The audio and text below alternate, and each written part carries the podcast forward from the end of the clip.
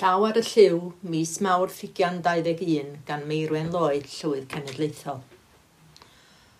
Blwyddyn ers i'r feirws grwydroi'n hardaloedd yn ddirbydd gan newid ein ffordd Gymreig o fyw yn llwyr. Mae sawl gair newydd yn ein geirfa ers blwyddyn. Mae ffiniau ein cartrefi, ein pentrefi, ein rhanbarthau, ein gwlad wedi dod yn bwysicach ac yn fwy arwyddocaol. cael ac erbyn hyn mae Cymru fel gweddill Prydain wedi gadael Ewrop ers nos Calan 20 Ar fawrth y cyntaf yr ydym fel Cymru yn ymgynnull ar ddydd ei nawsant yn lleol ac ar draws y byd. Sawl swper, te Cymreig, artistiaid yn gwlad yn diddannu mewn amrywiol neuaddau. Un peth sydd yn sicr, mae'r genhinen wedi gwreiddio'n ddwfn yn ein calonau fel yn hir ein gwlad – mae natur yn dal i droi'r tymhorau gan wneud i ni ryfeddu a tarddwch ein cymunedau.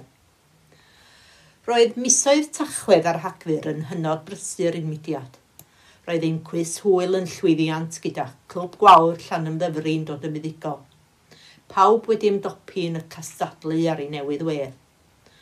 Yn yr un modd roedd eich doniau creadigol yn ein ffair eiaf rithiol yn rhagorol – sawl aelod wedi mentro cystadlu am y tro cyntaf, felly daliwch ati'r dyfodol. Cynhalwyd nosweithiau nadoligaidd llith a charol a digwyddiadau amrywiol eraill ar Zoom. Pawb wedi mwynhau'r holl brofiadau. Diolch i bawb wnaeth ymateb i fy nhyfarchion nadolig gan gefnogi elusen bersonol, pob un sydd wedi elwa o'ch cyfraniad yn ddiolchgar dros ben ni allaf beidio crybwyll ein tudalennau curo'r corona. Mae ein llyfr curo'r corona wedi cyrraedd sawl cegin ac wedi cael ei nodi fel llyfr y mis gyda'r gwerthiant gorau am dri mis yn olynol gan y cynnor llyfrau. Roedd ein llyfr hefyd wedi cael ei nodi gan unigolion fel un o'r pethau gorau ddigwyddodd iddynt yn ystod y clo cyntaf. Gwnaed syniad gwerfil iddo ddwy'n ffrwyth a symbolir i rannu'r setiau a'r cynhorion coginio. Ers y pasg mae eich doniau crefft i greu amrywiaeth ean wedi bod yn arbennig iawn ac yn ysbrydoliaeth ar un tudalen. Mae ambell i ganau neu glwb wedi bod yn cynnal dosbarthiadau gweu neu grosio ers blynyddoedd, ond erbyn hyn mae wedi dod yn boblogaidd iawn i wneud hyn ar Zoom. Mae bysedd prysur sawl un ohonoch wedi creu blodau gobaith ar gyfer Eisteddfod Genedlaethol Ceredigion ac Ynhelir yn Rhegaron yn 2022.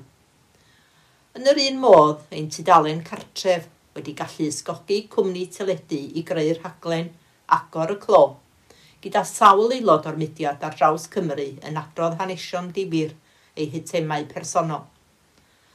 Yn dilyn cyhoeddiad Mark Drakeford, prif weidnidio Cymru am 5 o'r gloch nos adwn cyn y nadolig, bod ein gwlad yn mynd i drydydd clo. Daeth y cyfyniadau llym i rym yn syth. Bu rhaid i lawer newid eu trefniadau.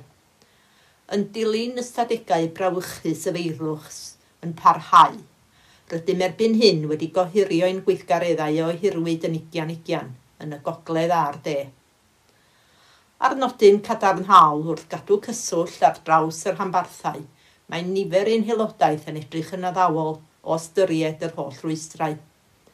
Fy nhri yw byddwch ffyddlon i'r mudiad, sydd wedi eich cynnal yn y clo, gan wneud y pethau bychain fel ffonio ffrind. Gallaf ddychmygu o'ch henaid o ryddhad yn eich rhanbarthau wedi erbrychlu'n gyrraedd eich meddygfeidd ac y bydd rhyw fath o normalrwydd yn dod i'n bywydau unwaith eto.